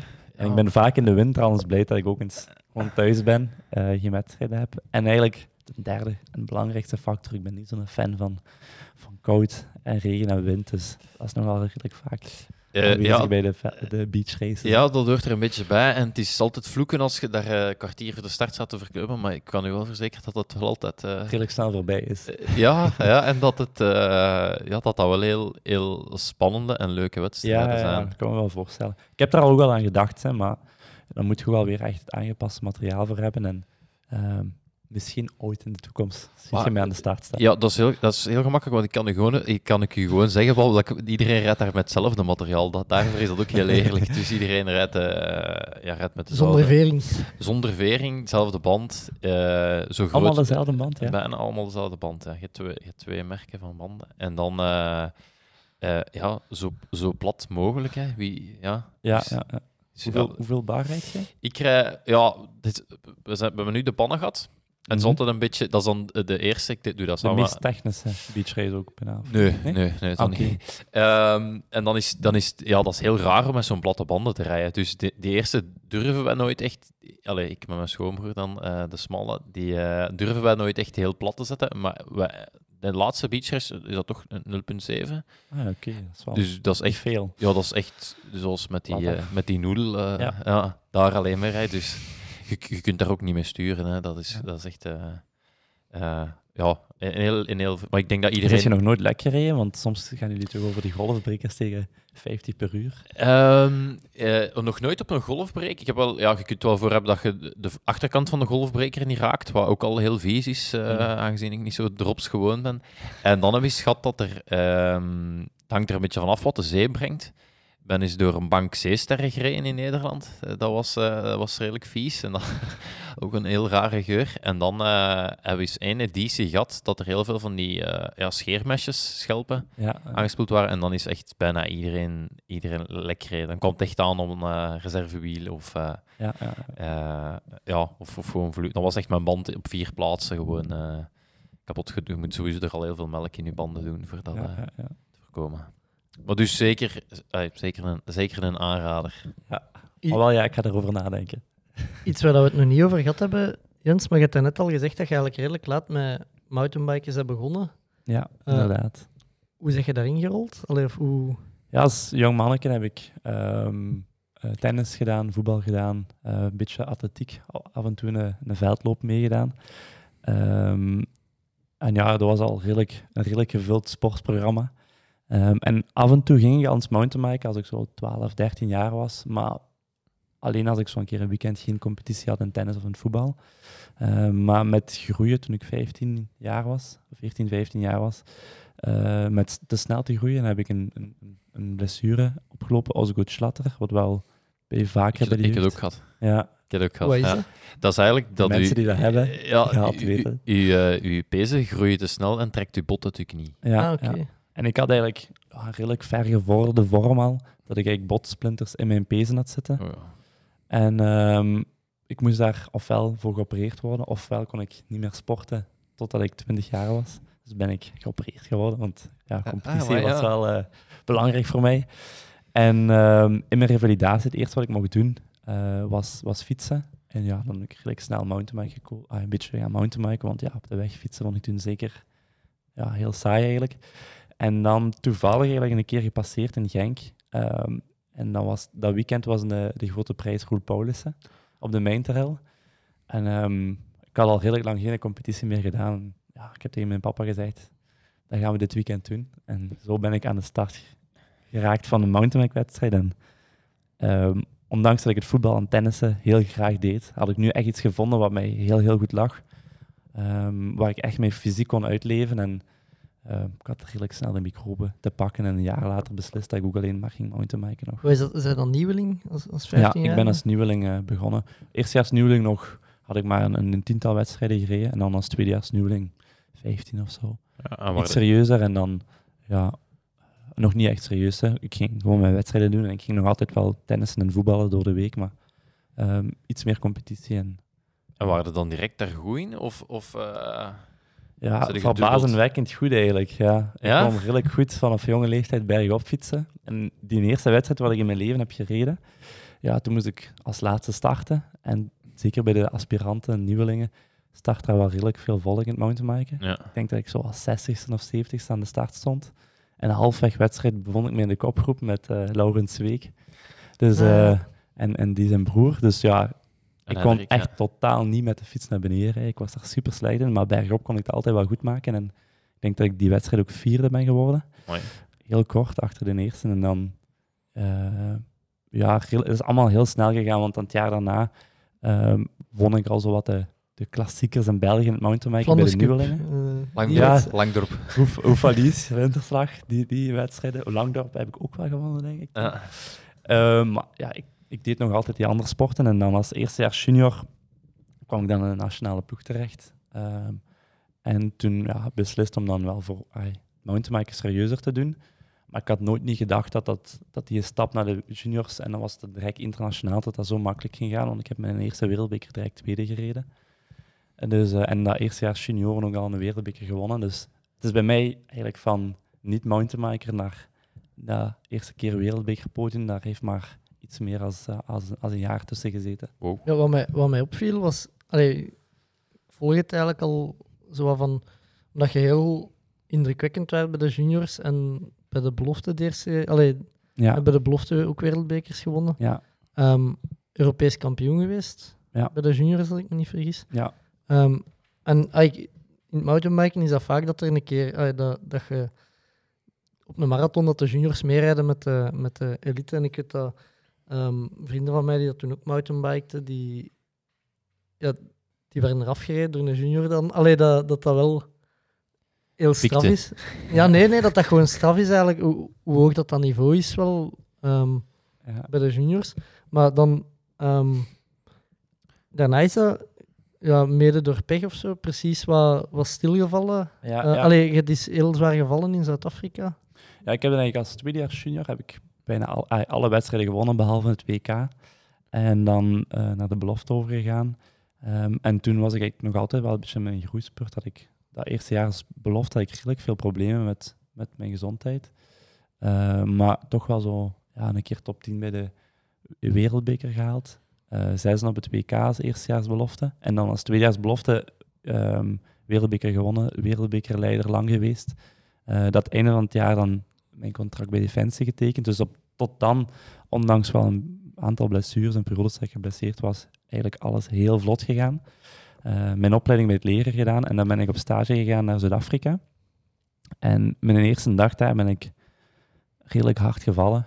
En Waar niet frontaal op je gezicht gevallen? ja, dus eh, ik was in een rockgarden ehm, en een kameraad die reed voor mij en die bleef zo wat haken, waardoor dat ik ook heel brusk remde. En ik ben over kop gegaan en ehm, mijn helm is eigenlijk voorbij de rots geraakt en ik heb die rots vol in mijn aangezicht gekregen. Met eh, eigenlijk, ja, Een zowat faceplant. een faceplant. eh Onderrook. Ja. Onderrook. Onderrook, ja. En ja, ik denk dat ik zowat alles heb gebroken in mijn gezicht wat ik kon breken. Ehm, en Dus wel goed gekomen. Allee, ja, ik zit hier nu al even voor u. Het is nog wel goed gekomen. Ja. Of, of, of, of, of ik heb Merci, gesminkt. eh Merci, dat jij moeten... moeten Ah, nee, die, die arts daar in Zuid-Afrika heeft dat redelijk goed opgelost. ja, ja. Want ehm, ik ben dan, ja, ben dan gevallen. Ehm even buiten Westen gegaan, maar dan wel terug naar huis gefietst. Want ehm, ik had eigenlijk geen pijn. Dat was heel raar. Ik Ja. had geen pijn, dus ik ga naar huis en ja, ik dacht dat er niet echt een probleem was. En mijn kameraad die bij mij was, die zei wat dat ik wel een beetje raar deed, maar ja, ik kan Wat redelijk, is raar. redelijk zware hersenschudding, dus ik zei wel soms wat rare dingen. En, maar op zich hadden we daar niet veel te, veel vragen bij gesteld. Alleen het enige probleem wat ik direct merkte, is dat ik mijn mond niet toe, toe kon doen. Dus eh, En niet dat- toe. ja, ik kreeg die niet helemaal toe. Dus als ik ook iets wou eten, ik, ik kon niet kauwen aan Ja. de linkerkant. Dus dat was wel vreemd. Ehm, maar ik, ik zei tegen ai, een Zuid-Afrikaanse kameraad daar, ja, het zal wel goed zijn, het zal wel goed komen. Morgen zal ik wel iets laten weten als het beter is. Want die zijn familie zijn allemaal dokters en chirurgen en die hadden wel redelijk snel schrik. Ja. En dan... ehm, En aan hun helm was niks aan, want die was echt de rots. Die mijl was toch eh, perfect. En dan ben ik ja, in slaap gevallen en de volgende ochtend werd ik wakker. En dan was er bloed uit mijn, uit mijn neus en uit mijn, mijn oren aan het lopen. Oeh. En toen hadden we wel eh, door dat dat niet helemaal in orde was. Ehm, Dat is meestal het laatste beeld van de film. eh. ja, bleek dat ik eigenlijk een interne bloeding had. En ik heb heel veel geluk gehad dat dat niet naar mijn hersenen is. Ja, ja, en dat dat naar buiten is gekomen. Ehm, en dan zijn we redelijk snel beginnen eh, schakelen en naar op kijken wat het is. En dan, eh, ja, ik was nog in Zuid-Afrika, dus dat is daar ook niet altijd heel, even evident om daar snel bij de juiste dokter te geraken. Ehm, gelukkig had ik dan die, die, kameraad en die familie die in die wereld zitten. Zonder hun was dat misschien allemaal wel minder goed afgelopen Ja, met mij. Ehm, En eigenlijk ook twee, drie dagen later eh, al aan geopereerd aan, aan de verwonderingen wat ik had. En ja, ik had onder andere een schedelbreuk, mijn oogkas verbrijzeld, mijn kaak gebroken. Ja, eigenlijk alles aan de linkerkant van mijn gezicht was, was kapot. En ik ben nu Wow. zo'n halve Terminator eigenlijk aan die kant. Ah, is het er echt? eh, Ja, oké. Ik heb eigenlijk mijn oogkas van boven en beneden zitten eh, ijzeren plaatjes die van binnen naar buiten lopen. Eh, en dan heb ik nog een ander plaatje iets dieper in mijn gezicht zitten. En nog een, ja, een tiental schroefjes hier en daar om alles. Maar ja, ik ben echt, ik ben echt aan het zoeken. eh, ja, Ja, ja. Nou, ze hebben dat wel al goed gedaan. Ze hebben eigenlijk onder mijn ooglid eh, hebben ze gesneden en dan in mijn wenkbrauw. En dan de binnenkant van mijn mond hebben ze alles opengesneden. En hebben ze de, blijkbaar dat vel naar voren getrokken en zo gereconstrueerd. Dus Amai. Dat heeft toch wel even geduurd, vermoed ik, die operatie? Of, eh, Ja, ja, ja, ja. ja, ja. s- Die heeft eh, een aantal uur geduurd. En het herstel ervan? Ja, achteraf bleek dat dat niet het grootste probleem was. Dat was een groot probleem, maar het nog groter was een impact op mijn knie. Maar ik had zoveel verdovende middelen gekregen voor die operatie, ehm, dat ik... voelde, niet. Dat ik, ja, ik voelde niet, niet heel veel niet meer. Hè. Dus ik ben eigenlijk een week daarna beginnen fietsen terug. Wow. ja, misschien ook wel wat snel. Maar ehm, pas vijf weken daarna kwam echt het grote probleem en dat was aan mijn knie. En daar heb ik meer dan een jaar mee gesukkeld. Ik kon eigenlijk amper te goed trainen, want die speelde constant weer op. Ik had constant weer ontstekingen aan mijn knie. Eh, en dan heeft het een jaar geduurd tegen dat ik daaraan geopereerd ben. En die operatie was ook nog eens redelijk zwaar. Dus ik ben dan eigenlijk mijn hele derde jaar belofte en de helft van mijn vierde jaar belofte eh, buiten strijd geweest. Ik ben anderhalf jaar of, of bijna twee jaar geen competitie gedaan toen. En, en Wil je toch u- nog kunnen plaatsen voor, Ja, dat was. eh, ja, dus het moment dat ik terug kon beginnen fietsen was dan een jaar voordat de kwalificatie van de Spelen afliep. Dus ik had Rio eigenlijk wel al. Ai, Aangestipt. Ah, of, Ja, ja, oorspronkelijk was dat Geen al rekening een doel, maar op dat moment geen rekening meer mee gehouden. En eigenlijk is toen ook alles redelijk snel beter en beter binnengegaan. En ik was altijd zo nog net in de running voor een spot. Ehm, en dan hebben wij criteria gekregen in de winter voor eh, het, het jaar van de Olympische Spelen. En die, die waren ook wel gunstig voor mij, want we hadden dan drie wedstrijden waar wij ons konden kwalificeren. En dan eigenlijk ja, op een jaar tijd van niet-atleet tot eigenlijk ja, Olympisch atleet kunnen schoppen. Dus dat was wel... Amai, ja. Pieter Jan Annes had het heel mooi gezegd hè, in de podcast. Ze zeiden er zijn meer lotto-winnaars in België als Olympisch atleten. Ja, Wat dat inderdaad. eigenlijk aangeeft hoe, hoe speciaal dat, dat is als je Ja, naar de ja, ja, Spelen ja. kunt gaan. Ja, dat was echt wel ja, een heel groot moment in mijn carrière. En ik ben nog altijd ja, heel trots om dat al één keer meegemaakt te hebben. En volgend jaar is. Zonder blessure de tweede keer. Hoe zat het met schrik na die val? eh? Want ja, het Ja. gebeurt dan op een rock. eh, want een- hoe, moeten we dat, hoe, moeten we, hoe moeten we dat uit? Een, st- een, stenen, een stenen tuin? Dat is een afdaling met, grote stenen. Ja, maar- ja. Ja, Maar aangelegd altijd. Aangelegd, ja, inderdaad. Ja, wel, ik had de chance dat ik geopereerd werd in Zuid-Afrika, omdat die breukjes wat ik had waren zo klein, dat dat ook in Zuid-Afrika moest gebeuren. en dan die interne vliegen. bloeding, Ja. ik mocht daar niet meer vliegen. Eh, en het moest ook heel snel gebeuren, want die kleine botjes gingen heel snel aan elkaar groeien. Dus ja, ik ging zes weken op stage naar Zuid-Afrika en dat was de eerste dag gebeurd. Dus ja, ik moest dan ook nog eens die operatie in Zuid-Afrika doen, dus toen ben ik eigenlijk gebleven totdat die zes weken voorbij waren. Ja. Ik ben redelijk snel beginnen fietsen op de weg, maar mountainbike moest ik iets langer mee wachten. Maar eh, de laatste week dat ik daar was, ehm, ik, ik, ik had eigenlijk wel echt schrik om te mountainbiken. En ik dacht, de slimste manier om er vanaf te geraken is gewoon terug naar diezelfde plek Ja. terug te gaan. En eigenlijk de eerste afdaling wat ik heb gedaan is die Rock Garden. En ik denk dat dat heel slim was, want dan was dat ook direct van mij af. En schrik als mountainbiker is eigenlijk ook een beetje uw dood. En ik wou dat echt vermijden. Ja, ja, ik denk bij alles wel. Ik ben, ik ben, nooit, eh, ik ben nooit heel zwaar gevallen in de kermiskoers in Hakendover. Ik ben ook ik ben wakker geworden in de kliniek in Tiene. Ik heb die koers nooit meer gereden. Ja, ik kan me dat voorstellen. Dus maar dat is misschien ook niet verstandig geweest. eh. ik heb het- nooit meer willen doen eigenlijk. Gewoon, ja. Maar wel nog andere koersen gereden. Ja, ja, tuurlijk. tuurlijk. Maar ja, dat- ja, ik- het is inderdaad Maar wel... had jij schrik van die val of van de kliniek in Tiene? Eh, ja, ik, ik, ja ik, ik wil niet nog eens eh, half tien uur op mijn nek halen. Maar eh, die, die, bij mij is er toch ook wel operatiewerk aan. Bij mijn hand bijvoorbeeld, ja, dat is, dat, ik had laten zien, dat, dat, dat zit wel nog vol littekenweefsel, dus dat is niet zo proper gedaan. Maar weet wou niet- ook gewoon, Ik weet niet of dat je eh, dat weet, Jens, maar twee afleveringen geleden heeft Seppe dus we hadden gezegd dat er in Tiene nog geen internet was. Dat zal dan nog wel los. Dat zal nog wel horen. Ehm, we, we hebben nog een paar andere dingen. ehm, we hebben ons wat geïnformeerd bij insiders in de mountainbike-wereld. Yes. En een reden dat we gevraagd hebben of dat we tot bij u mochten komen, Jens, is omdat we hadden doorgekregen.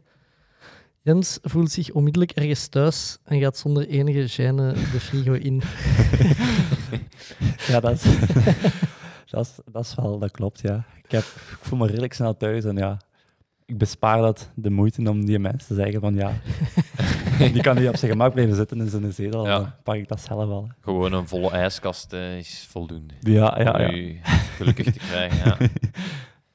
Ook Jens is in hoofdletters nooit op tijd, altijd chill.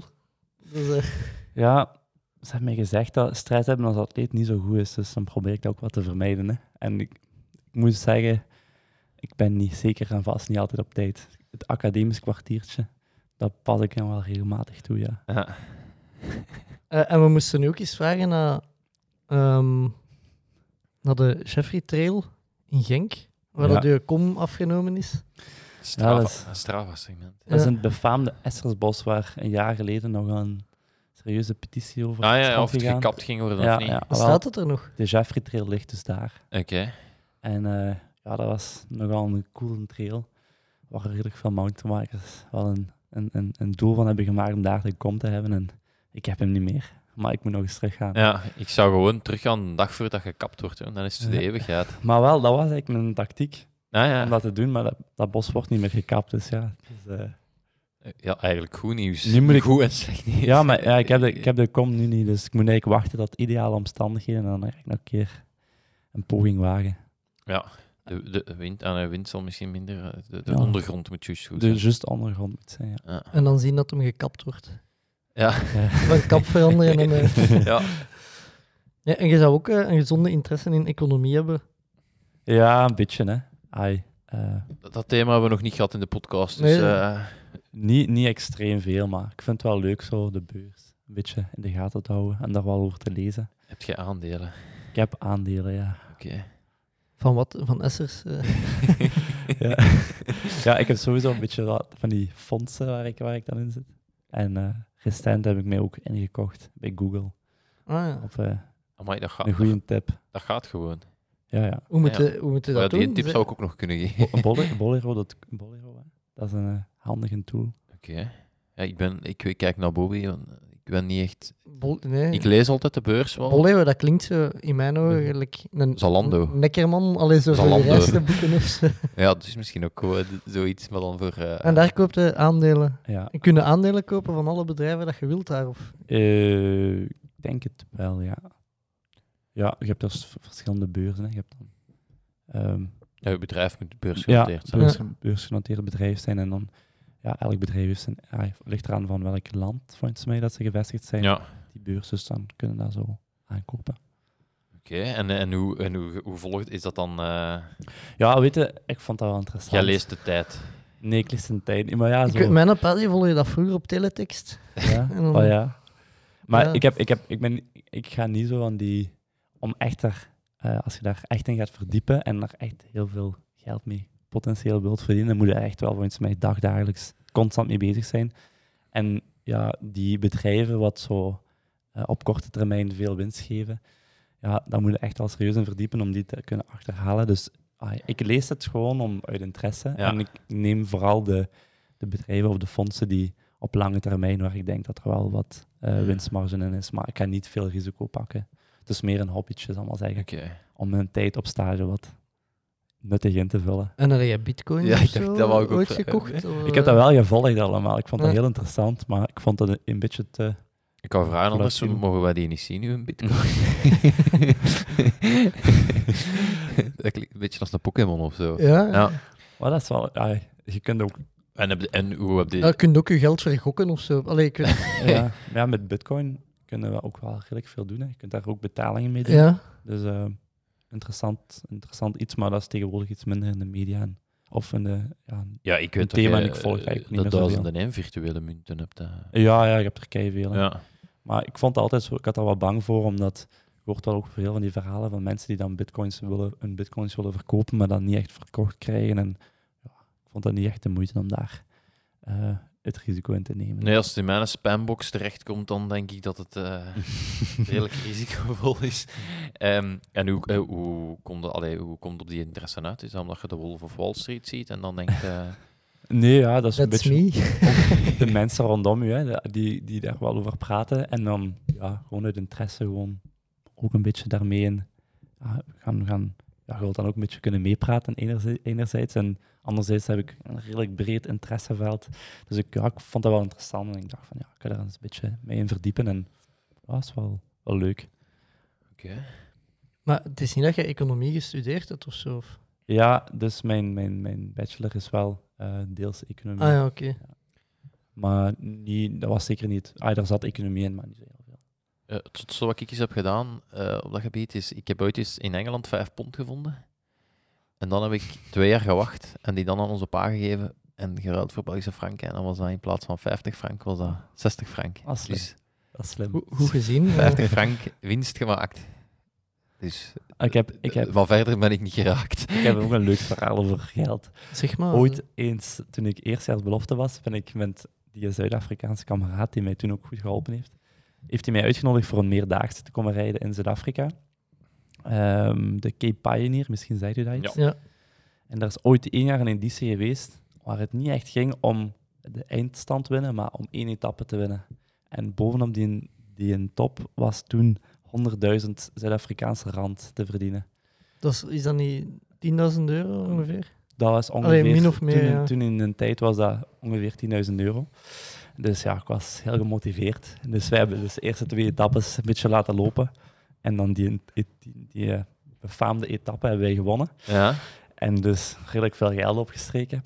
En ehm, dat was ook nog een hele klus om dat ja, geld mee naar huis te krijgen, want ik moest zat dan met redelijk veel geld, cashgeld. Ah, dat Op de cash. Nee, we, we, we kregen dat gestort op een bankrekening, maar Ah. dus we hebben dat dan gesplitst. En ja, ik moest mijn deel dan ja, cashen. hè. Ja. en dus ik heb redelijk veel Zuid-Afrikaanse rand eh, had ik dan. En nog steeds, want sindsdien is de, De rand gezakt, redelijk gezakt. en ik vertik het eigenlijk om, dat, om te ruilen. Ah, ja. Tot, dat, tot dat een beetje... Dus jij hier 5000 euro aan. Allee, Ik ben had- ondertussen al een paar keer naar Zuid-Afrika Ah, ja, geweest, dus oké. al wat gespendeerd. En nog kameraden gehad die daar naartoe zijn gegaan. Dus ja, de rest ligt hier nog ergens, hè. Een verborgen eh, onder de, op de, onder de onder de matras. matras, hè. Allee, dan gaan we nu de kamer toe van eh, Jens. doen. Nee, Ja. goed. Eh Seppe, zijn er nog onderwerpen die jij wilde Ehm, aankaarten? Eh, nee, ik denk dat ik eh, alles eh, eh, beach racen heb gehad. Ah, maar, nog wel wat- even over die Osgood Slatter. Wat me wel opviel is eh, ehm, ja, dat er wel al een generatiekloof moet zijn tussen ons. Want bij mij was de oplossing nog gewoon twee keer zes weken in het gips. Ah, ja. Dus dat was dan ook... eh, d- ja, er was geen sprake van een operatie of Ja. zo. Dus dat dat toch wel al iets gebeterd Hoe dat is. een technologie op zes jaar kan evolueren. Ja, Ja, wat ik ook niet... Ik heb dat niet gedaan. Eh, ja. Mijn ouders hadden wel door dat dat niet zo goed zou komen met, met mij als ik zes weken met twee benen in de gips moest. eh, Dus je zit gewoon als goed slatter blijven. ehm, ontwikkelen. Ja, ik mocht. eh, hoe zat dat weer? Ik, bij, en bij mij was eigenlijk. Ik, als, ik, ik speelde voetbal en ik had daar een stamp op gehad en zo was dat Ja. nog meer losgekomen. En ik, ja, ik, ik mocht gewoon niet meer voetballen. Ik heb even niet meer mogen voetballen en dan. Eh, dan is dat van, allee, ja, die pezen worden dan, halen dat wel in of zo, vermoed ik. eh. Ja, ja, ja. Van zodra je stopt met groeien, komt dat ook wel meestal goed. Dus, Ja, ja, ja. wel opgelost geraakt. Jens, we hadden ook nog wel... ehm, we hebben nu een website teruggevonden Ja, 2014. uit 2014. Dus eigenlijk hadden we, we zouden nog eens een podcast kunnen maken over uw jaar 2014 Ja. in de toekomst. Eh, maar opvallend, Je bent altijd welkom. ja, op, uw, op uw site stond dat eh, Inspiring People, Ole en jaar Bjorndalen. Ja, Hoe kom je daarbij? ja biathlon, ik vind dat een super vette sport. Waarschijnlijk als ik in Noorwegen woonde, was ik ook een biatleet geworden. Ik vond dat heel interessant. En als klein mannetje keek ik altijd naar uursport. En Ja. de winter, als het koud is, ja, Ja. dan- ik, ik zat eigenlijk helemaal niet vaak binnen. Ik was bijna altijd buiten aan het spelen. Maar als het dan de winter was, veel van mijn kameraadjes die zagen dat niet zitten om dan buiten te spelen. En ja, ik ook soms niet. Dus dan keek ik eigenlijk bijna altijd naar de biathlon. En ja, Ola en Björndalen, dat is een Dus, beetje mijn jeugdidool geweest. Ah, ja. ja. Dat is de enige Weinig die, dat ik, idolen. die, dat ik eigenlijk eh, van biatleten ken, moet ik zeggen. Nu heb je zo'n Die, Martin die, die Fransman. Ja. Ja, Fourcade. de- Ah ja, ja dat is iets. Maar Ja. ik vond dat een super vette sport en ehm Ik dacht voor helaas dat... kun je dat hier niet doen. Hè. Nee, ja, ik dacht voor wel dat Ik die- heb rollerski zeggen, mocht ze, ze staan te koop, want wegens niet gebruik. Ja, en je, ja, het- je- ja, je gaat toch Klassieke stijl, Jens. Ja. Ik dacht voor dat die biatleten altijd Fischer noemde. Ik dacht, ja, die hebben op- hun naam op hun latten staan, maar dat is, dat is blijkbaar gewoon de, De latten. de latten. Ja. Ja. Het schieten kun je hier wel oefenen, hè. ja, ja, maar ik ben militair, dus Ah, ja, ja, heb ik al voilà. onder de knieën. Voilà, ja, ja. Ja, en je, moet toch, je, gaat, je zoekt nu toch altijd al de bergen op. Dus als je, Ja. gewoon, het is gewoon een seizoenen omdraaien dan. Je kunt eigenlijk in de winter... Eigenlijk kan ik gewoon heel het jaar doorblijven. Maar Ja. ik heb daar eigenlijk voor gekozen om dat niet te doen. Hè. Ik doe geen veldrijden, dus ja, als ik nu ook nog dat biathlon ga doen, ik mijn eigen wat tegenspreken. Hè. Ja, ja, dat is, ja, dat is waar. Maar Nu- ooit in mijn leven wil ik er echt wel, wel een keer een wedstrijd van doen. Als, uh, na Vast al op mountainbike. het. ja, maar dat is Ja. zonder schieten. Ja, hè, dat- Ja, dat is zonder schieten, ja. Allee, Dat wil die- ik echt wel eens doen, zo'n wedstrijd, zo'n zo'n langloopwedstrijd. Lijkt me wel cool. De, in, eh in Ardennen is er ook, hè, als er sneeuw ligt, organiseren ze daar bijna elk weekend Ja. wedstrijden. Maar er is niet veel sneeuw. in Nee, nee, maar vorig jaar... Elk jaar ik, een BK ook, hè. ja, Ja. ik- maar ik ben... Dat is een andere mountainbiker die regelmatig al mee heeft gedaan aan het de Dingen... Bart de. Ja, Bart en Jochen de Vocht. Ja, en Sebastien Carabij doet dat ook. Ja. Dus, Ja, eh, dat is- ja, Sebastien Carabin doet ook. doet een beetje alles. Doet alles, ja. maar dat is Nee, wel... Die, die, die, die doen de skating-stijl, hè. Ja. Dat is voor de meisjes, hè. Ja, klassieke stijl is de stijl, hè. Ja, dan moet ik toch ook even passen. Ik, ik, ik, ik weet dat... Het skaten is... is eh, ja.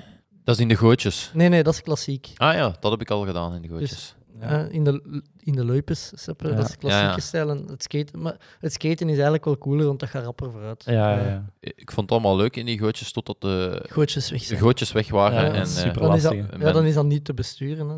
Want Ja. daar zitten En aan dan die, zit echt aan het werken, het werken vooruit te geraken. maar die, die klassieke stijl langlaufs, die hebben ijzeren randen, dus daarmee kun je het afzetten. Maar die van de, eh, die van de klassieke stijl hebben dat niet, dus dat, is- ja, dat het geweest Ja, dat schuift gewoon alle kanten lastig. uit. Je kunt vooral als die latten overeenkomen, eh, allee, als die, Ja, kruisen. als die kruisen, dat Is, dat is, ook, is gedaan. dan eh gootjes of niet, eh, is het gedaan. Ja. Goed. Ehm, maar dan zullen we stilletjes aan afronden, zeker? Yes. Jens, de, de mensen die u willen volgen, waar, waar kunnen die informatie vinden of Aandelen van u kopen. u volgen? Ja. Ja, Heb je nog beleggingstips voordat we eraan Ja, dit- ja, ja, dat zou nog goed zijn.